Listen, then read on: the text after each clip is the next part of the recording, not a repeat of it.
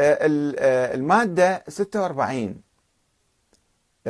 هل تتفق مع مبدأ حرية الأحزاب اللي هذا كفلها الدستور الحرية هذه أو تتعارض معها خلينا نشوف هاي المادة. أولا يعاقب الحبس مدة لا تزيد على سنة ولا تقل عن ستة أشهر. كل آه، من أنشأ أو نظم أو أدار أو انتمى أو مول خلافا لهذا القانون حزبا غير مرخص.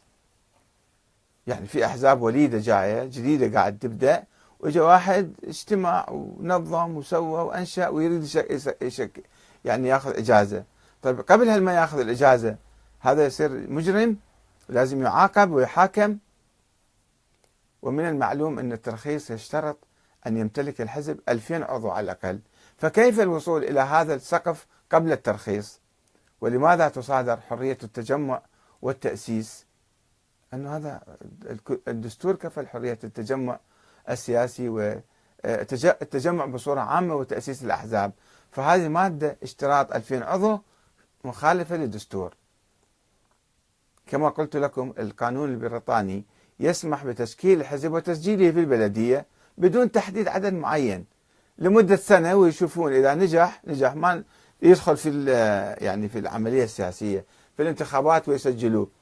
آه، ثم يسجل رسميا في هيئة الانتخابات.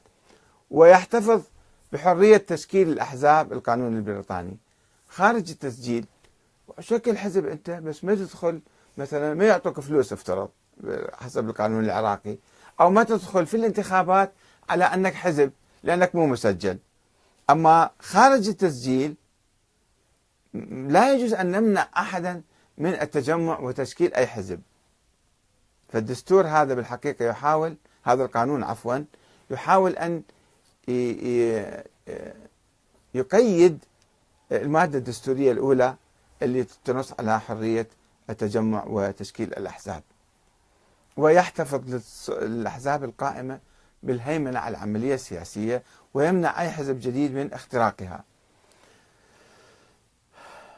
فلماذا يعاقب القانون العراقي كل من أنشأ أو نظم أو أدار أو انتمى أو مول حزبا غير مرخص؟ الناس يقومون يخافون بعد هذا حزب مو مرخص ما ندخل فيه.